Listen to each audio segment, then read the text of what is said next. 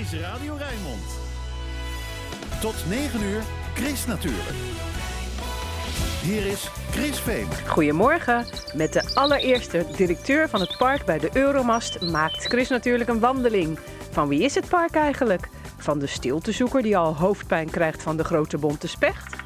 Of is het van de hond die wordt uitgelaten? Dichter Dirk Otte wandelt mee en leest gedichten uit de speciale parkbundel Winter. Een polderjapanner vertelt over de verschillen tussen Nederland en Japan. Zoals over de bergen en de kraanvogels in Japan. En de weide en de grutto in Nederland. Wie kind nog kraai heeft en alleen gestorven is, krijgt in Rotterdam een waardig afscheid met een dichter die een eenzame uitvaart iets minder eenzaam maakt. Je hoort er meer over vandaag in. Chris natuurlijk, met Chris Vemer.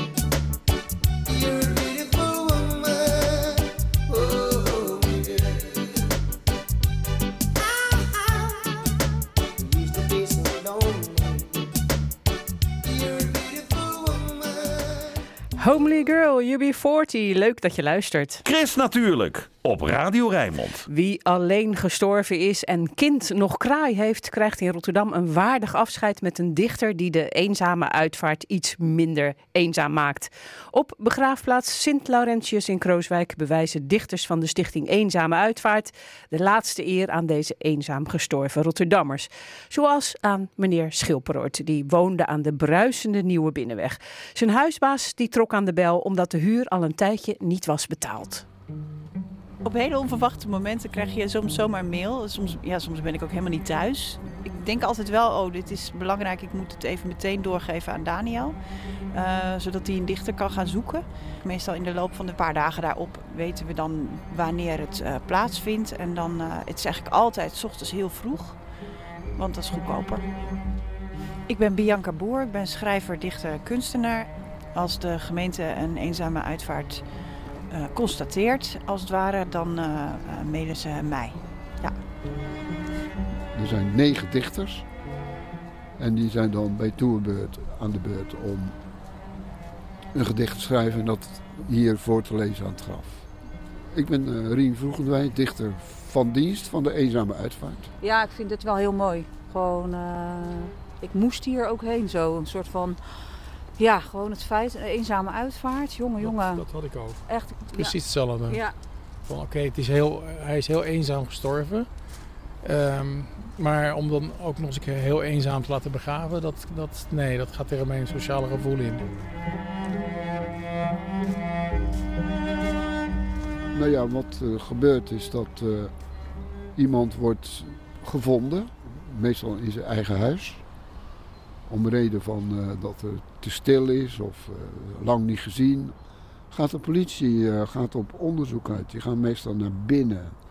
En als er iemand dan dood aantreffen in zijn eigen woning, dan wordt de gemeente ingeschakeld, de dienst wet op de lijkbezorging. En die gaan het verder afhandelen. Die gaan op zoek naar papieren. Is er geld? Is er een verzekering? Is er familie? Vaak uh, traceren ze familie. Niet altijd. Wat wij meemaken is dat in de regel de familie uh, niets met de overledene meer te maken wil hebben. Dat is altijd, klinkt altijd heel hard en tragisch, maar dat is wel zo.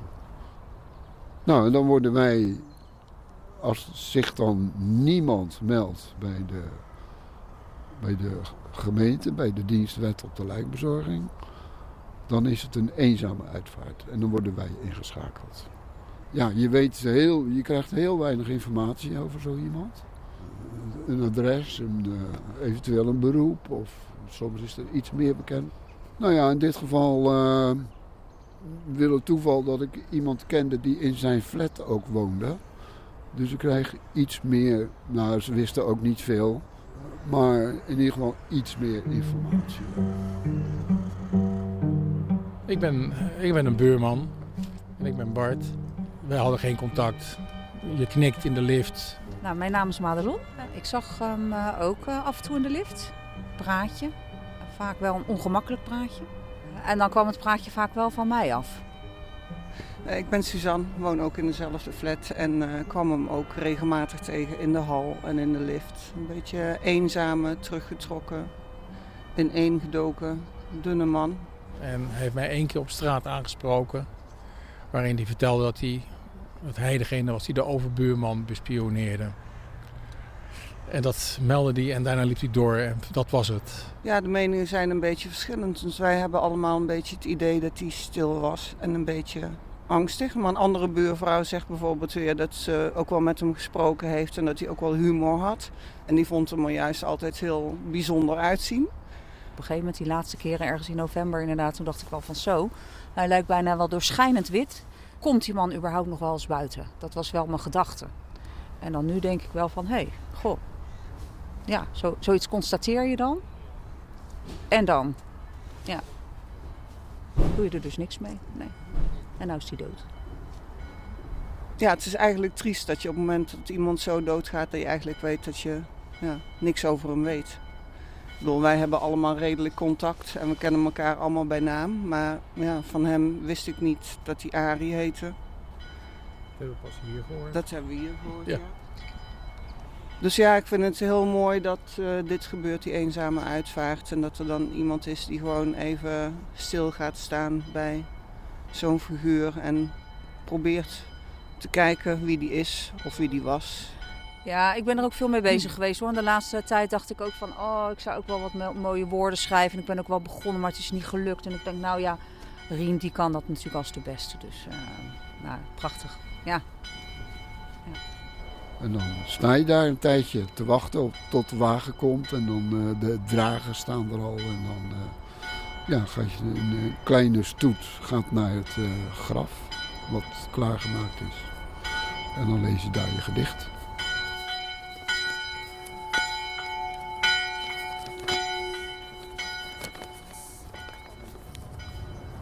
Bij de ter aardebestelling van de heer Arie Jacob Schilperoort. Het was even zoeken wie u was. Want al woonde u in een straat waar alle talen worden gehoord, de wereldkeuken wordt gekookt, waar men gezamenlijk uit eten gaat, men toch zijn eigen grenzen trekt. Het kan zijn dat iemand iets zei in de flat waar u dagelijks in en uit ging. Een groet in de hal, een kort gesprek in de lift, dat men dacht wie is die man die zo stil zijn eigen gang gaat. Misschien stond u op achterstand en kwam de huisbaas vaker langs. U wist al dagenlang nergens van. De deur bleef dicht tot de slotenmaker kwam en het bevoegd gezag dat vaststelde wie u was. Ach, aarde, ontvang uw gast, vredig en in rust op deze koude winterdag.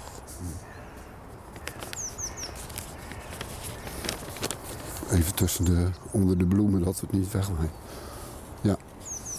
Dat vond ik Rien wel heel mooi eh, zeggen. Ja, dat is, eh, ja, het is heel, eh, ja, heel naar eigenlijk. Ik bedoel, toen ik in Rotterdam kwam wonen, was meteen op de Nieuwe Binnenweg. En dan duik je echt in zo'n drukke straat. En ik vond het fantastisch. Maar ja, blijkbaar is bij hem, ja, om, heeft bij hem ontbroken om echt contact te maken met mensen. Of wilde hij het niet, of kon hij het niet, ik weet het niet. Ja. En dat mag natuurlijk ook, hè. Ik vind dat ook, hè, dat hoort ook bij de stad. Je mag dat ook best niet willen. Dus ik vind dat ook altijd, hè. Het- dat vind ik ook iets om toch te respecteren. Dat iemand mag eenzaam zijn. Ja, maar ja, toch vind ik het ook een, een, een gebaar van beschaving om toch diegene dan met mensen en mooie woorden te begraven.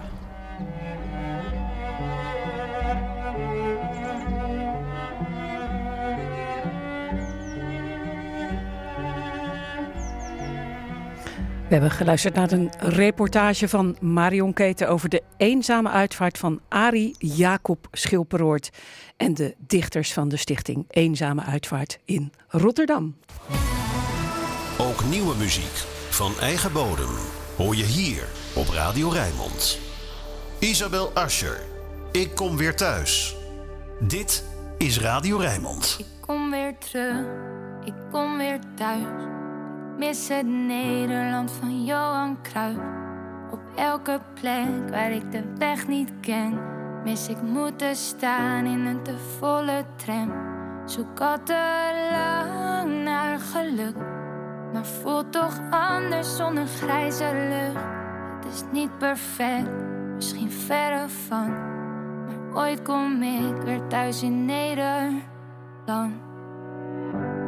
Zet het morgen in de krant. Ik mis alle straten van Eindhoven, Groningen en Rotterdam. Waar te veel naar elkaar gekeken wordt. Ze schuilen tot de bui weer stopt. Hier drinken ze geen koffie in een koffieshop. Waar iedereen een mening heeft, te veel in het verleden leeft. Alleen maar als het uitkomt, is er plek voor iedereen. Clarence is een jongensheld. Frankie speelt zijn beste spel. Het wil je met in elke wijk een voetbalfan. En ik weet niet wat de tijd geeft.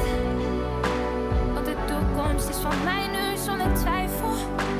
Ben ik weg, dan heb ik heimwee. Toch weer heimwee. Kom weer terug, ik kom weer thuis. Ik mis de regen op mijn achteruit. Ik mis naar Jeep en naar de Febo gaan. Ik mis avonds uren in de file staan. Nu is de wereld mij, maar voelt toch anders zonder Albert Heijn. Het is niet perfect, misschien verre van, maar ooit kom ik weer thuis in Nederland. Niet balen om je lekker pand, eet je bruine boterham. Vrouwen maar ook, mannen lopen hand in hand. Sivan neemt de titel mee en Ronnie is een fenomeen. Door Frenna zingt je broer, maar ook je moeder mee. Rijden op gestolen fietsen, haten de belastingdiensten. Dat is unaniem, het maakt niet uit wat je verdient. Speculaas en sautosoep, Toko zit hier om de hoek. Voor het donker thuis, zo ben ik opgevoed. Oh. Ah, En ik weet niet wat de tijd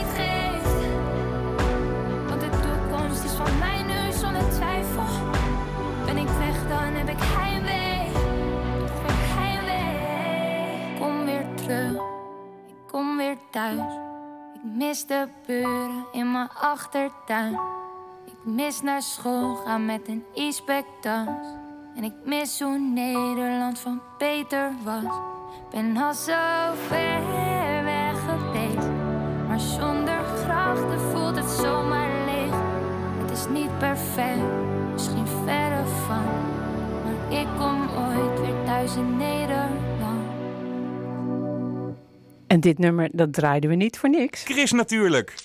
Lekker lezen. Schuilen voor de regen, staan in een volle tram, niet balen om je lekke band. Van die heel herkenbare Nederlandse dingen zal Fumiko, Fumiko Miura inmiddels niet meer opkijken. Want ze kwam eh, ruim twintig jaar geleden met haar Nederlandse man in Rotterdam eh, wonen. En over haar ervaringen in Nederland als Japanse schrijft Fumiko in haar boek Polder Japaner. En ze is hier om erover te vertellen. Fumiko, welkom, goedemorgen. Goedemorgen. Nou, schuilen voor de regen, eh, dat zou, jou de- zou jij denk ik niet missen als je ooit uit Nederland weer zou vertrekken. Nee. Want je ziet ook eh, voor op je boek, hè, zie je eh, eh, iemand staan tussen flats. Ik denk dat dat Rotterdam daar moet zijn met een, met een paraplu. Eh, fiets als transportmiddel, hè, dat is een onderdeel van de Nederlandse identiteit. En wat ik niet wist, maar in Japan wordt ook gewoon eh, gefietst al. hè. Ja. Twintig jaar geleden ook al. Oh ja, ja, ja, ja. We hadden al fiets heel, eh, sinds heel lang geleden. Maar hoe wij fietsen is heel anders dan in Nederland. Want, hoe Want- gaat het dan? Ja, toen ik eerst in Rotterdam aangekomen, ehm, ik vroeg aan mijn man om een fiets te kopen. Want ik hou van fiets. Ik dacht dat ik een fietser ben. Want ik fietste eh, elke dag op en neer ehm, totaal 16 kilometers toen ik op middelbare school zat. Dus ja, Dat klinkt Fietsen. heel Holland, ja. ja, ja, maar we hebben wel ehm, ups en downs. Niet flat. Nee, heuvels. ja, Ja. heuvels in, in Japan. Maar ja, ik vond fiets eh, heel leuk. Dus eh, ik heb eh, mijn, op mijn fiets eerst naar Maas Boulevard ging rijden. En iedereen fietst als racers. Heel snel. Ze haalden je allemaal in. Ja, ja, en ik kwam thuis en ik vertelde aan mijn man, ja, iedereen fietst zo snel. En hij zei, ja, als iedereen snel fietst, dan ben jij laat. Dan ben jij langzaam. dan ben Ja. jij langzaam, ja. Ben je inmiddels een beetje gewend aan het fietsen hier? Ja, ja, ja. Als ik eh, op fiets stap, dan eh, ga ik flink eh, Lekker hard. trappen. Ja, Ja, lekker hard ja. trappen. En er was nog een andere, Eet je bruine boterham. Dat zong Isabel Usher in dat lied Ik ben weer thuis. Hè? En jij beschrijft dat ook in jouw boek. Hè? Hoe raar dat is voor, voor jou dat Nederlanders twee keer per dag brood met kaas eten. Wat vind je daar vreemd aan? Ja, ik vind het niet echt raar, maar ik kan ja, persoonlijk niet, nooit zou winnen. Twee keer koud eten. Koud eten, ja. Ja, ja. Want in Japan, als ik, ja... eh, Nou, sushi is ook koud, eh, toch? warm Sushi. koken, ja. nou, eh, je krijgt altijd iets warms bij. Oh, Zoals het wordt tegenwoordig warmer, heb ik begrepen. Hè? Want in Japan las ik, zijn sushi-criminelen actief en die likken aan de Oh. sushi. En dan zetten ze het weer maar, terug. Maar dat is heel ja, extreem. Ja, klein zeker, te groot, vind ik. Maar ja, sushi is wel op zich koud. Maar je krijgt ook miso soep, iets warms erbij. Dus ehm, dat beschouwen we niet als ja, sneetje brood of zo. Nee, ik snap het. En, maar wat eet je wel graag in Nederland? Ah, eh, patat van Brammerhuis. Met mayo? Ja, met mayo en uitjes. Ja, en, eh, en wat ik ook had eh, gelezen in je boek, dat je in Rotterdam heel blij was met een goede viswinkel. Want was je dan verbaasd dat die in Nederland er zijn, goede viswinkels? Nou, ik had eigenlijk geen idee wat voor soort eten ik zou krijgen in, in Holland. Maar ja, eh, dat was twintig jaar geleden. We hadden geen eh, sushi-winkels op straat.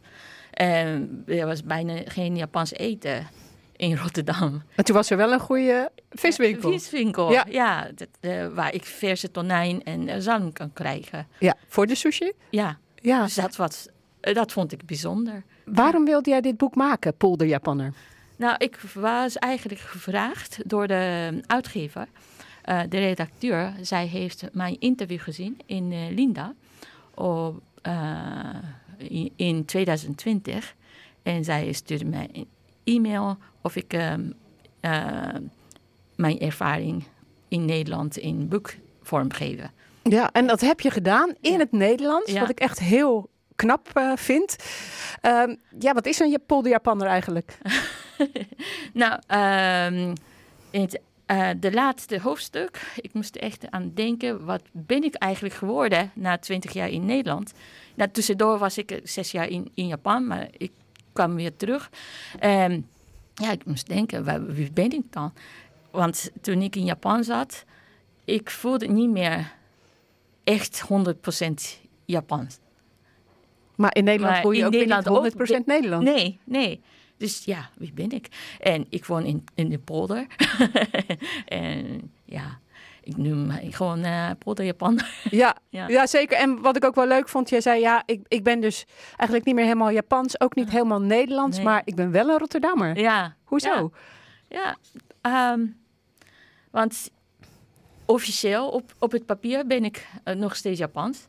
En het is voor mij, ehm, ja, het zou echt een enorme stap zijn om Nederlandse nationaliteit te nemen. Dat durf ik niet, nog niet. Maar ja, ik ben eigenlijk ehm, ja, voor twintig jaar Rotterdammer, officieel op het papier. En ik voel me ook Rotterdammer. En wat maakt dat je je Rotterdammer voelt? Ja, want ik ken door de, de stad meer dan ehm, alle andere steden in Japan eigenlijk. Dus als ik in Tokio ben, ik, ik verdwaal. Net zoals eh, als wij zouden verdwalen, zou jij ook verdwalen, maar Rotterdam ken je de weg. ja, Eh, ken je ook de weg bijvoorbeeld naar Trompenburgtuinen? De, dat is een, een, een prachtige tuin in in Rotterdam-Kralingen. Kruilingen toch? Ja. Ja, ja, ik ben En- daar eh, een paar keer geweest. Ja, en Ja. daar komen heel veel planten voor, eigenlijk ook in onze tuinen, gewoon in tuinen, Mhm. Ja. die oorspronkelijk uit eh, Japan eh, komen. Eh, en dat die planten in Nederland groeien, dat hebben we te danken aan von Siebold. Dat was een, een Duitse Nederlander. Mhm. wat, we- wat weet je van hem? Ja, ehm, hij was een VOC-arts en hij was in Japan sinds tussen 18 1823 tot volgens mij ne- eh, 1829. En tussen die tijd he- heeft hij heel veel eh, Japanse ehm, eh, spullen verzameld en ook planten. En hij heeft ehm, zaadjes en zo'n babyplantjes teruggenomen uit Japan. En planten zoals hortensia of eh, Japanse duizendknopen. Ja, want eh, eh, toen wij eh, belden voor een voorgesprek, Ja. toen hadden we het daar eventjes over. Toen zei jij gelijk Japanse duizendknopen, Ja. want dat, die is eigenlijk verwilderd en daar hebben we een hoop ellende van. Maar van andere prachtige planten Ja. genieten, genieten we Ja, allemaal. Hè? en. En, ja. wat ik wel begrepen had, dat Japan en Nederland, die, die hadden een hele bijzondere relatie al heel lang. Dus in die tijd van, van Siebold was Japan echt een afgesloten land. Maar. Nederland mocht toch, ja, van een afstandje van een eilandje daar verderop, Ja. eh, met, con- met Japan contact maken. Ja, ja. Ehm, eerst een Nederlandse schip, ehm, De Liefde, ehm, eh, kwam uit de Rotterdamse haven. en eh, in Japan in 1600 aangekomen.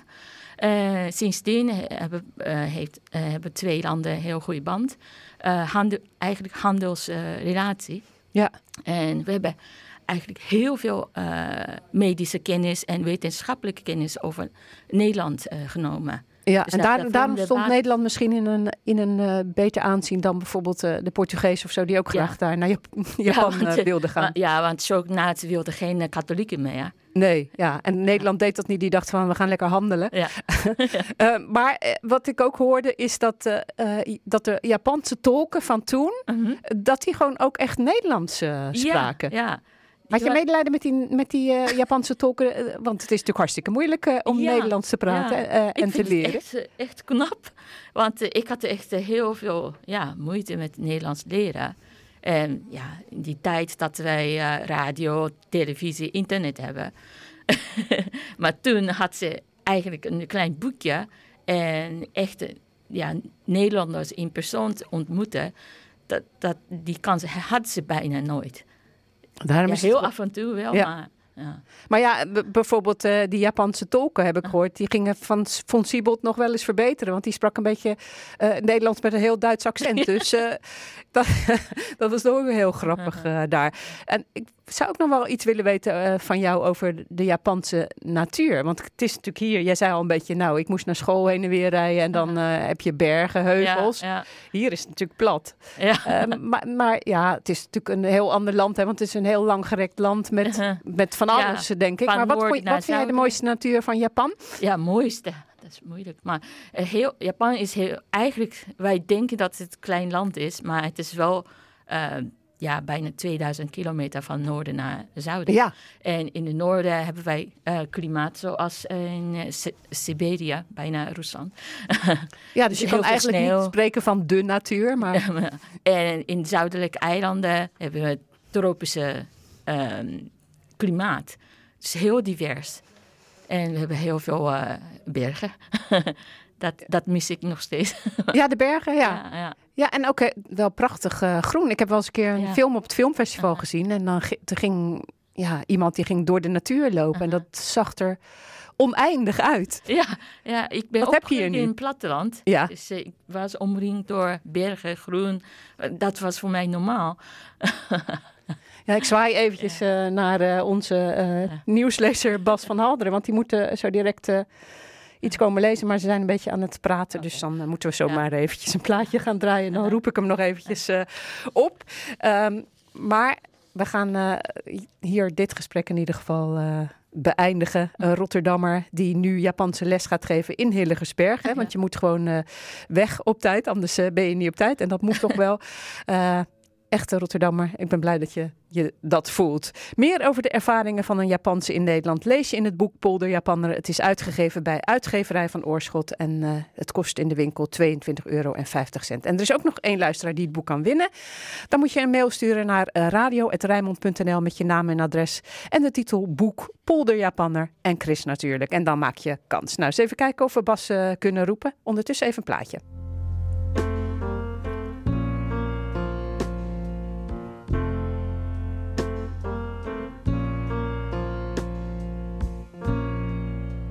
Just a perfect day. Drink sangria in the park. And then later, when it gets dark, we go home.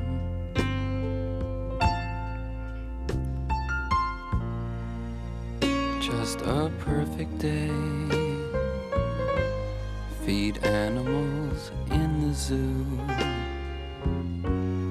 Later, a movie too, and then home.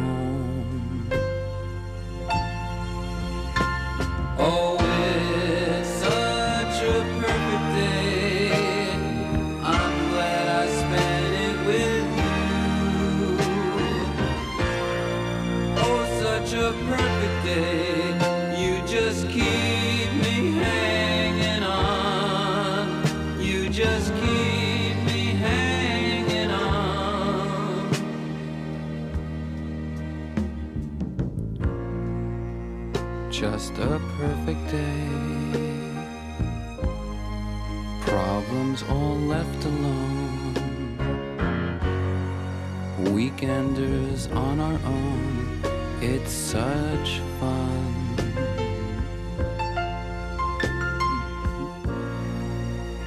Just a perfect day. You made me forget myself. I thought I was someone else,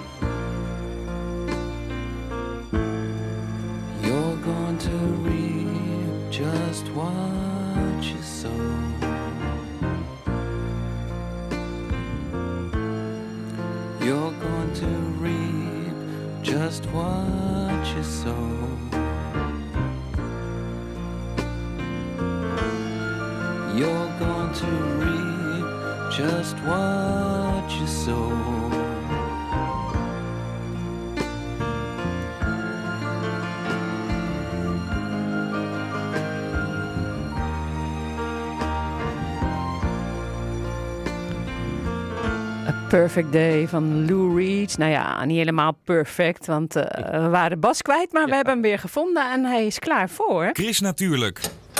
De weekendbijlage. Wat staat er in de weekendkranten en online over groen, natuur en milieu? Je hoort het in het overzicht wat ik dus samenlees met Bas van Halderen. Goedemorgen. Hallo, Chris. Ja, goedemorgen. ik- jullie zaten zo druk naar me te zwaaien. En ik denk, wat zitten ze toch leuk naar me te zwaaien. Ja, je dacht het is een nieuwe Japanse gewoonte of zo, maar nee. De droogte in Chili maakt van eh, avocado's waardeloze kiezels. Extreem dorstige vrucht. Die kan er bijna niet meer geteeld worden, schrijft de Volkskrant in de weekendbijlage. Waar is de mol? Het is dit weekend weer nationale mollentelling. En eigenlijk tel je niet de mollen, maar de mols hopen. Want dit bijzondere zoogdier zie je maar zelden boven de grond. Op de site van de Zoogdiervereniging vind je meer informatie over de telling. At de aapmens nijlpaardtartaartjes. Archeologen. lekker. Ja, dat lijkt me wel wat. Die staan voor een raadsel bij de vondst in Kenia van scherp gereedschap gemaakt van stenen. Het gereedschap is al 3 miljoen jaar oud. En zou dit dan het bewijs zijn dat de mens eerder slim is geworden dan gedacht? Daar lees je over in Trouw. Bijna was 14 februari door de regering in India uitgeroepen tot Nationale Koeknuffeldag. Het zou een alternatief zijn voor Valentijnsdag met al die romantische uitspattingen uit het Westen. Maar Koeknuffeldag is van de baan, want het idee werd van alle kanten bespot en het zou ook veel te westers zijn. Nieuwssite India Today die wist overigens te melden dat koeknuffelen ook wel iets was wat uit het Westen al lang gedaan was. In Nederland zou het een eeuwenoude gewoonte zijn. Nou, het is hartstikke leuk hoor, met koeien knuffelen. Ja, Wist je dat? Ja, de bomen. eh, Nee, bomen, koeien, koeien. eh, Dat is echt leuk. Nou ja, wel eens gedaan dus? Ja, oké. Ja, varkens ook. Oké. Sorry. Ja, nee, ik, knuffel wel eens met mijn, met mijn hond, maar voor de rest... eh, en met mijn vriendin natuurlijk. Goedemorgen. Heerlijk, het is weer vroeger licht. Jubelt het AD. Het vroege daglicht heeft ervoor gezorgd dat veel mensen afgelopen week met een fijn gevoel de ochtend zijn begonnen. Want licht zorgt namelijk voor meer energie. Het verbetert de gezondheid, zeggen wetenschappers. En de krant geeft tips om zoveel mogelijk zonlicht te vangen. Nou, dan gaan we eens eventjes vragen aan eh, onze weerman Bas. Dank je wel in ieder geval eh, voor eh, het groene nieuws uit de weekendkranten en daarbuiten. Of we ook een streepje zon gaan zien vandaag. Stefan, goedemorgen. Chris, hele goede morgen. Ehm, nou, dat gaan we zeker wel zien. Want ehm, ja, een hoge drukgebied die zorgt dit weekend eh, voor droog weer in de regio. Al is er wel tamelijk veel bewolking aanwezig. Maar het is dus niet helemaal grijs. Want ook op dit moment zitten er hier en daar wat gaten in het wolkendek. En zien we dus ook zeker af en toe een zonnetje vandaag. Nou, de temperatuur die ligt op dit moment rond de 5 graden in Rotterdam. En gaan we al richting de 8 graden langs de kust. En die temperatuur die gaat verder oplopen naar een vrij zachte 10 graden vanmiddag. Waar het normaal ongeveer 7 graden hoort te, eh, hoort te zijn in deze tijd van het jaar. Nou, de wind die komt uit het westen. Die is nu nog zwak boven land. Dat is een windkracht 2. Maar die wordt overal matig. En dan is een windkracht 3 tot 4. Nou, vanavond en vannacht hebben we te maken met veel bewolking, maar ook dan blijft het overal droog. Er kan wat nevel of plaatselijk misschien ook wat mist gaan ontstaan en de temperatuur daalt naar een graad of 6. En de wind die neemt verder in kracht af. Ja, en morgen dan ligt dat hoge drukgebied zelfs boven ons hoofd en dan staat er zelfs niet of nauwelijks wind. Dan moet je denken aan een windkracht 1 tot 2. Het is dus heel rustig weer buiten. Ook morgen is het overal droog, maar we hebben dan nog wel steeds te maken met veel bewolking. Ik denk zelfs iets meer bewolking dan vandaag, dus we zien dan wel de zon iets minder vaak. Ook dan is het morgen zacht met een temperatuur van 9 tot 10 graden. Dus eigenlijk is dit een perfect weekend voor een strand- of een boswandeling, dacht ik zo. Goeie tip, Stefan. En eh, volgende Ja. week? Ja, na het weekend dan blijft het ook eh, in eerste instantie rustig. En we gaan zelfs de zon wat vaker zien. Zeker op dinsdag en woensdag. De temperatuur wint overdag zelfs nog een graadje. Met op dinsdag en woensdag een temperatuur van 11. Misschien lokaal wel 12 graden. Nou, en dat in combinatie met weinig wind uit het zuiden. Kan het zelfs dan al een beetje lenteachtig gaan aanvoelen buiten. Moet niet gekker worden. Ja, en doordat er dan wel meer opklaringen zijn overdag. En s'nachts kan het tijdens de nachtenuren wel eh, landinwaarts flink gaan afkoelen. Tot nog net iets onder het vriespunt. Punt. Maar goed, we zitten nog officieel in de winter natuurlijk. Ja, dus dan moeten we nog 's ochtends wel weer de auto eruit eh, krabben waarschijnlijk. Ja, dat zit er wel eventjes in, maar eh, dat wordt overdags ruimschoots goed gemaakt door zon en wat hogere temperaturen. Nou, dat komt helemaal goed, eh, Stefan. Ja. Dankjewel. Eh fijn weekend en straks om half één dan eh, ben je er weer in zaterdagmiddag live met Ruud de Boer. Luisteren Ja, zeker. Fijn weekend. allemaal naar Chris. Kom daar toch. Chris, natuurlijk. I see trees of green,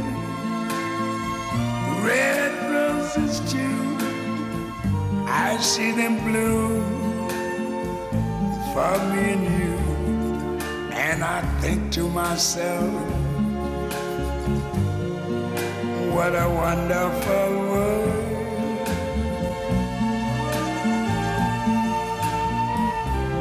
I see skies of blue and clouds of white, the bright blessed day, the dark sacred night, and I think to myself,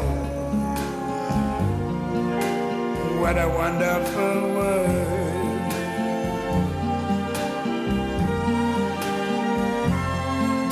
The colors of the rainbow, so pretty in the sky also on the faces of people going by.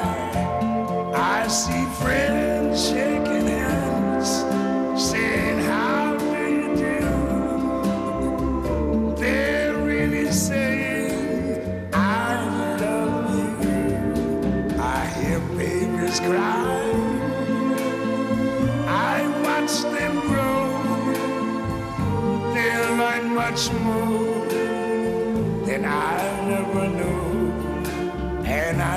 to myself, what a wonderful world. Yes, I think to myself, what a wonderful Good old Louis Armstrong de good old What a Wonderful World. De natuurtip van Chris natuurlijk. Parkdirecteur, het klinkt als iets uit een sprookje of uit een kinderboek van Annie M.G. Smit. Het park in Rotterdam heeft sinds kort een echte parkdirecteur. Ze heet Nienke van Wijk. Ze houdt kantoor in het park in een pand achter de Noorse kerk. Chris natuurlijk, die zoekt haar op. Samen met Dirk Otter, dichter en samensteller van Winter. En dat is een bundel gedichten speciaal voor het park samengesteld. Op de Beden-Pauwellaan nummer 2 vertelt de parkdirecteur over het gebouwtje dat net als het park zelf een grote opknapbeurt krijgt. In het gebouwtje zat vroeger een lichthal. Een lichthal? Dit was een plek waar het Rode Kruis in samenwerking met Dijkzicht vroeger 32 bedden had. Waar mensen die moesten herstellen, die konden hier dan komen. En dan konden ze hier een tijdje bij komen in de zon en in de natuur in dit park. En vandaar dus ook de lichthal. En dat was eh, ja, een herstellingsoord. En daar waren er een aantal van in Nederland, waaronder hier in Rotterdam. En eh, dat wordt mijn... eh, het, centrum van de activiteiten die we hier gaan doen met Stichting Het Park, waar ik directeur van ben. Ja, dus niet alleen kantoor, maar veel meer. Nee, veel meer. Vanuit hier gaan we eh, het park onderhouden. Dus er komt een team van hoveniers die hier echt het fijnmazige eh, werk gaan doen, zodat dit echt het mooiste park van heel Nederland eh, zal zijn. En we gaan hier ook zo verbouwen. Na de zomer gaat die verbouwing starten. Dus wij beginnen nu al met. Ja, jullie zijn nu al bezig, Ja. horen we. Ja. Ja, nu krijgt het een kleine opfrisbeurt, want het was dus een gemeentewerf, een vrij afgeleefde plek. Hier zijn allerlei mannen dus bezig met het schilderen en een eh, bureaus maken. En eh, nou, ik zie hier al een zaagmachine, dus misschien moeten we zo maar even verhuizen. En dan gaan we vanaf hier zachtjes aan beginnen met allerlei activiteiten die we vanuit de stichting gaan doen. En dat is eh, allerlei programma op het snijvlak van eh, kunst, cultuur en natuur. Dus ook rondleidingen, wandelingen, een tentoonstelling, heel veel poëzie. Dat is al eigenlijk al begonnen, hè? Dirk Otte, dichter en eh, spoken word artiest. Wat heb jij in je hand? Ik heb de winterbundel eh, in mijn handen. Dat is een, eh, een initiatief eh, van het park en Stichting Droom en Daad. En die eh, brengen elk seizoen een dichtbundel uit. En eh, de eerste was de herfst. En eh, voor de winter heb ik dan eh, de selectie aan gedichten mogen maken. En een, eh, een eigen gedicht en voorwoord mogen schrijven. Zullen we naar buiten gaan? Heel goed idee. Nienke van Wijk, De eerste parkdirecteur van Nederland van het park. Nou, dat kennen de mensen ook wel als het park bij de Euromast. Dan weet iedereen het, eh, denk ik, ook buiten Rotterdam. Wat doet een directeur van een park? Het is heel iets bijzonders, een eh, parkdirecteur, want het park is eigenlijk openbare ruimte, een publieke plek. En dat betekent dat deze plek eigenlijk van iedereen is, van ons allemaal. Ja, dat wilde ik al vragen. Van wie is het park? Ja, het kan ook van de dieren zijn. En van de dingen en van de bomen. Jazeker, dus het is, ik moet een beetje laveren, dus het is het idee dat het van iedereen is, maar dat er wel heel veel zorg en aandacht nodig is, omdat het van ons allemaal is. Ja, want ik zei eh, aan het begin, het doet mij een beetje denken aan bijvoorbeeld eh, ja, een directeur uit een boekje van eh, Annie M.G. Smit. Dat is ook zo iemand die zegt, ja, maar die, die lelijke vogels die mogen niet op het gras. Ja, dat is inderdaad precies, leg je de vinger op het grootste spanningsveld. Want iedereen heeft zo tegengestelde belangen bij een openbare ruimte. Wat wij hier niet gaan doen vanuit het park is een soort handhaven en regelgeving. Het gaat er echt om dat je in een goede dialoog, in een goed gesprek met elkaar, dus overeenkomt hoe je dit hier wil doen. Er is natuurlijk ook wetgeving, dus het is niet een soort kijk maar eens even. Maar ja, dat je de belangen met elkaar afweegt van hoe willen we samenleven met elkaar. Ja, dat is toch een, toch een, een goed gesprek over het algemeen. Dus ook het barbecuen, de ghetto blaster, het zoeken naar rust en bezieling versus reuring en activiteit. Ja, dat is eh, een spannende balans, maar ja, dat hebben we nou in de stad. Dirk, wat heb jij eigenlijk met het park? Ik heb heel veel met het park. Eh, ik maakte vroeger vele fietstochten met mijn vader. Op een van die fietstochten eh, die me echt bijblijft eh, was een tussenstop hier in het park voor een lunchbreak zeg maar. Wandeling door het park gemaakt. Ja, dat is prachtig. Dat heeft heel veel indruk gemaakt. En een van de eerste dates met mijn huidige vrouw was in het voorjaar. En dat was hier nou ja, een echte date, een picknick date in het park. Dat is toch ook wel een warme herinnering. Ja, ik kom er hartstikke graag. Ja, het, het is inmiddels een beetje veranderd, hè? want het park krijgt een enorme opknapbeurt. Hoe, hoe vind je dat het eruit ziet nu? De winter, daar speel je natuurlijk een beetje vals eh, mee. Dus eh, de bomen staan niet in bloei. Maar alsnog denk ik dat er heel, eh, heel veel is om, eh, om van te genieten. Dit park is ontworpen door de heren Zogger, hè, vader en zoon Zogger. En het idee was dat je juist in elk seizoen hier verwondering en schoonheid aantreft. Dus in de winter is het inderdaad somber, de bomen zijn kaal. Maar als je goed kijkt, dan zie je hier nu al dat de bolletjes die niet aangeplant is, die komen er al uit. Een paar maanden geleden lag het hier nog vol met, met herfstbladeren in allerlei kleuren. En dit is allemaal bedacht door de mannen Zogger. Het is ook een soort romantische beleving van de natuur. Absoluut. Als je ook hier om je heen kijkt, dan zie je ja, een bedachte, geïdealiseerde natuur. Een werkelijkheid die niet helemaal klopt. Maar waar jij als wandelaar natuurlijk al suggestie krijgt van enorme wijdse landschappen en eh, mooi bedachte kleurstellingen van bomen. En, en die in de seizoenen elkaar afwisselen. Dus allerlei kleuren groen in de lente en bloesem in de herfst dus weer die vallende blaadjes die allemaal verschillende kleuren op de grond achterlaten. Alsof het helemaal met een penseel hè, een soort schilderij is van blad. Ook de, de, de water, waterpartijen, dat zijn dus die woeste rivieren met hollingen en, en bollingen op de plekken waar dan een rivier dat uit zou slijten. De bomen zijn zo geplant dat er dus allerlei zichtlijnen ontstaan. Er zijn allerlei hoogteverschillen als de heuvel, die, die, die, die bult. En het eh, kleine bultje hier. En eh, nou ja, zoals je zo om je heen kijkt, zie je allerlei... Ja, niks is hier vlak en alles is hier rond. Dat is dan de beeldtaal. En wat ga je er dan mee doen? Kijk, eigenlijk is het wel bijzonder in het park dat het... Ook door de tand des tijds is dit ooit ontworpen vanaf 1852. En dat is eigenlijk door, ook door alles wat we hier al meegemaakt hebben best wel goed intact gebleven. Dus in de renovatie halen we dat eigenlijk allemaal weer net iets naar het niveau dat je het ook weer goed kan zien. Hè? Dus het, dat het in oude luister wordt hersteld. Maar het moet ook mee met deze tijd. Nou, dat gaat eigenlijk heel goed mee in deze tijd. En sterker nog, in deze tijd hebben we eigenlijk ook wel weer heel veel hang naar de natuur. Dus het eh, valt heel mooi samen. Een beetje nostalgisch eh, sta je in die, wat een soort kolkende rivier moet zijn eh, eigenlijk. Ja, nee, ja, helemaal. Ja, eh, nostalgisch misschien, weet ik niet. Het is eh, stukje Efteling op loopafstand, zeg maar. Dus dat, is, eh, dat, dat, vind ik, ja, dat vind ik heel fijn. Anton Pieck kwam ook uit die tijd volgens mij. Het is op die manier ingericht. Daar op dat bankje kan ik me voorstellen dat er dan vroeger wel iemand in een bundel een gedicht eh, aan het lezen was. Nou ja, we zijn bijna bij het bankje, dus ik ga die winterbundel er natuurlijk bij pakken. Dit gedicht is van eh, Henriette Roland Holst van der Schalk en het heet Vier. Nu kwam de winter met zijn stille luimen, zoals hij in het Hollands laagland keert. Als de herfstwinden het gebied ontruimen, hij laat het groen der weide ongedeerd. Hij stort uit vlakke hemelen als uit een zeef. Daglang de helder kleine ronde droppelen. Wie er zacht geruis en regelmatig tokkelen, al de stem is van het natuurgeleef. Nu gaan de deuren dicht en wij verenen, door onze zinnen ons niet meer met haar. En beseffen zuiver dit vreemde ene, er is iets eeuwigs tussen ons en haar.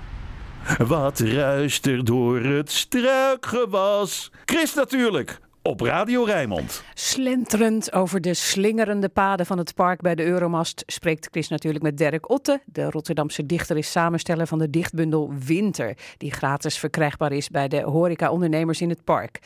De dichtbundel is een initiatief van de stichting Het Park, een stichting die samen met de gemeente Rotterdam zorgt voor het grootste groene rijksmonument van de stad.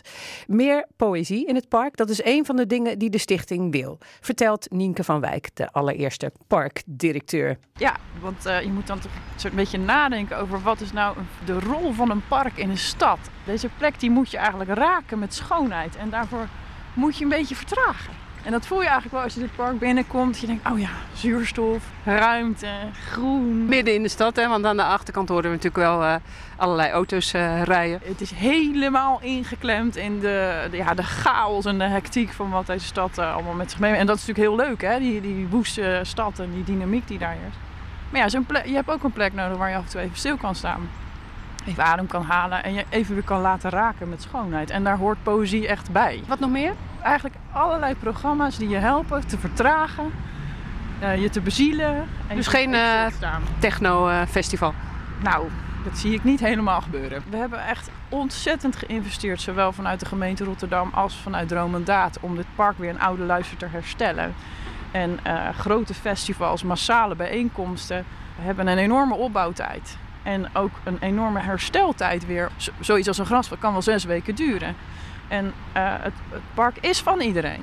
Het is een publieke plek. Dus dat betekent ook dat andere gebruikers in die periode gewoon niet de ruimte krijgen om, eh, om hier ook te genieten van deze prachtige, schone plek. Daarom geen grote festivals, maar, maar kleine. Mooie festivals, tentoonstellingen. Ja, dat wat niet het park te zwaar belast. Heb jij trouwens een favoriete plek hier in het park? Dirk Otte, dichter en eh, spoken word artiest. Eh, ja, dat is een, eh, een boom een beetje aan de andere kant. Je kan daar tegenaan leunen, met je voeten optisch in het water zitten. Dat is niet zo, maar dat, dat, dat, dat lijkt zo. En dat is net zo'n stil hoekje waar je, waar je je echt even alleen waant. Zelfs in alle drukte eh, in het park soms kan je daar gewoon echt even alleen zijn. We lopen nu door de Oud-Hollandse tuin. Dat is een, eh, een restant, om maar even oneerbiedig te zeggen, wat eh, hier achtergebleven is nadat de Floriade hier eh, was. En de Euromast is gekomen. Ja. Ja, ja. En eh, zo hebben we allerlei vreemde evenementen gehad, zeg maar, eh, na de, de hele, het ontwerp van Zogger. Dat was al in 1852 zijn ze ermee aan de slag gegaan, dus het dik tien jaar geduurd. Daarna hebben we natuurlijk hier ook nog een oorlog gehad in de stad, waar het wonderwel de meeste bomen toch zijn blijven staan. Toen kwam er ook nog een watersnoodramp, toen heeft het park hier een jaar onder water gestaan.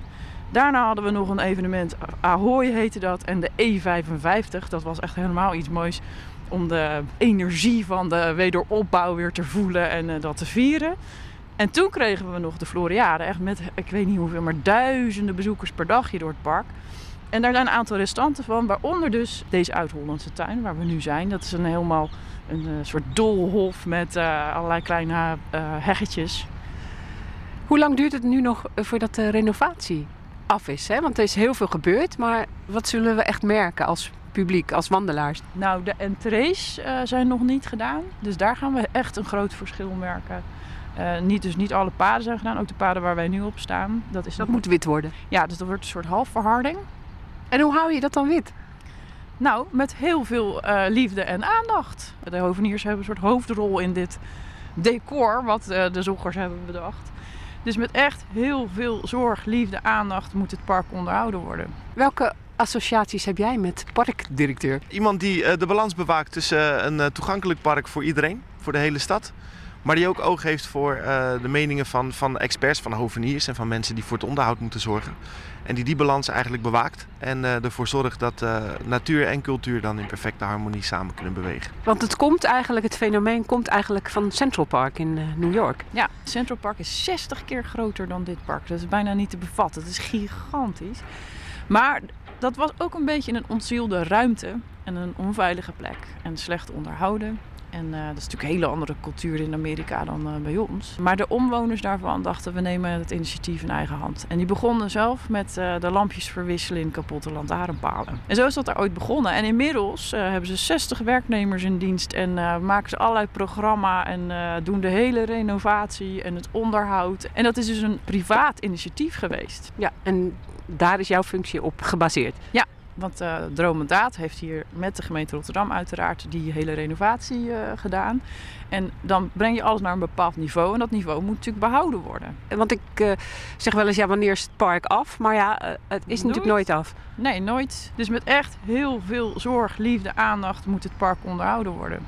Ja, en is dat dan ook jouw taak als parkdirecteur? Ja, en ook de gemeente Rotterdam heeft daar een rol in. Zeg maar, zij doen eh, heel grofweg gezegd het basisonderhoud en eh, de bomen bijvoorbeeld. En eh, wij doen het fijnmazige werk. En dat kan echt op het niveau van met een nagelschaartje door de heggetjes. En dan ga je ook zelf meewerken. Dan zien we ineens de directeur van het park ook ja, wat eh, gras knippen aan de, aan de kantjes. Nou, het zou, dat is werkelijk het allermooiste sprookje als ik daar ook nog tijd voor zou hebben. Om af en toe eens even in een boom te klimmen of met een grasmaaier over te gaan. Dat zou ik fantastisch vinden. Ja, want eh, wat heb jij met, met groen? Ja, ik ben opgegroeid zowel in de stad als op het platteland, op een boerderij. En daar hadden we ook kruidentuinen, moestuin, kippen, een stukje bos. Dus ik heb me altijd behoorlijk verscheurd gevoeld tussen... eh, ja, waar hoor ik nou eigenlijk? Ben ik iemand van, vanuit uit het groen of, of in de stad? Ja, hier eh, komt het allemaal wel een beetje samen. En ik heb eh, een achtergrond. Ik heb ooit eh, biologisch dynamische landbouwopleiding gedaan. En dat is niet dat we hier natuurlijk moestuinen gaan aanleggen. Dat is absoluut niet het idee. Maar dan krijg je wel allerlei kennis over de kwaliteit van de bodem. Hoe je inderdaad een boom snoeit. Echt hele praktische dingen zijn dat. Ja, en nou, je hebt ook een culturele achtergrond. Zeker, ja. Ik, eh, mijn hele werkzame leven eh, heb ik eh, gewerkt in de culturele sector. Een hele lange periode bij Poetry International gewerkt als programmamaker. Wat vind jij van de bundel die eh, Dirk nu heeft samengesteld, de winterbundel? Ja, een juweel. Ook omdat ik ook wel kan zien dat Dirk zich heeft laten inspireren op dit park. Dus er zitten een aantal gedichten in die zijn echt hier geschreven en gemaakt. Misschien moeten we er dan eentje voordragen die ook echt hier geschreven is. Ja, laten we er een korte bij pakken. Dat is een eh, van origine Chinees gedicht. Oh, je hebt het ook in het Chinees eh, erbij geschreven. hè? Dat vind ik hartstikke leuk. Ja. Ja, ik ga hem wel in het Engels doen, want mijn Oh. Chinees is niet eh, Nee, niet op orde. wat het zou moeten zijn. Nee. is van eh Ruini Yang, een dame. A story framed in my heart. Countless moments gather into a garden of time. You may call it park, where your soul also could be free and settle. En hoe weet je dat eh, die schrijfster het hier heeft geschreven, ook echt in het park? Volgens mij is dat in opdracht van een programma van Poetry International geweest, jaren terug. Dus op die manier. Want hoe kom je aan al die gedichten? Want waar heb je ze gevonden? Heb je dan eh, gegoogeld van eh, park en winter? Nee, ik heb om heel eerlijk te zijn best wel vals gespeeld. Ik heb mijn eigen boekenkast erbij gepakt. En heb ik eigenlijk gewoon mijn persoonlijke favorieten door gaan struinen. En eh, dit gedicht stond in een bundel van Poetry International. Maar ja, Toon Hermans komt erin voor. Toon Tellege, zijn naamgenoot, komt erin voor. Remco Kampert, Bab Schons. Het loopt echt eh, van hot naar her, net als het park eigenlijk. Zullen we nog een wintergedicht Ja. voordragen? Tenminste, jij moet het voordragen. Ja, laten we een laatste wintergedicht erbij pakken. Dat is van eh, J.H. Leopold. Iemand die ook heel veel meters in Rotterdam heeft gemaakt. Staren door het raam. Er is een leven in wat bewegen. De takken beven een beetje tegen elkaar. Een even beginnen schudt elke boom. Een bezinnen dit. Een schemeren gevend van eerste denken. Met lome vingers gaan zij wenken, wenken, wenken. Brengen uit een vrezend menen nauw uit. En lichte dingen, herinneringen, lispelen zij. Vertrouwelingen. Zouden wel willen, willen dan dood. Staan zij in de lucht, de bomen bloot, de lucht die leeg is en zonder ziel, waar uitgetuimeld de wind uitviel. Uit eh, winter en die eh, bundel, die kun je dus eh, overal hier in het park krijgen. Ja, bij alle ondernemers in het park eh, ligt die gratis. Kan je gewoon meenemen. En dan hopen we je natuurlijk hier aan te treffen, leunend tegen een boom, licht verward op een bankje, zwaar geraakt door de schoonheid van de woorden van de heel veel verschillende dichters die Dirk eh, heeft samengesteld. Op 15 februari dan kun je mee op de poëziewandeling en workshop in het park die Dirk Otte in het park geeft. Op chrisnatuurlijk.nl vind je een linkje met meer informatie. En daarmee zijn we aan het einde gekomen van Chris Natuurlijk. Een programma van Chris Vemer, eh, Marion Keten, Bas van Halderen en Rob van der Meer die werkten mee. Volgende week in Chris Natuurlijk het groene poetsboekje. Fijn weekend. Veel plezier met de volgende programma's op Radio Rijnmond. Zoals straks van 9 tot 12 de Rijnmond Blues. Chris natuurlijk. Kijk ook op chrisnatuurlijk.nl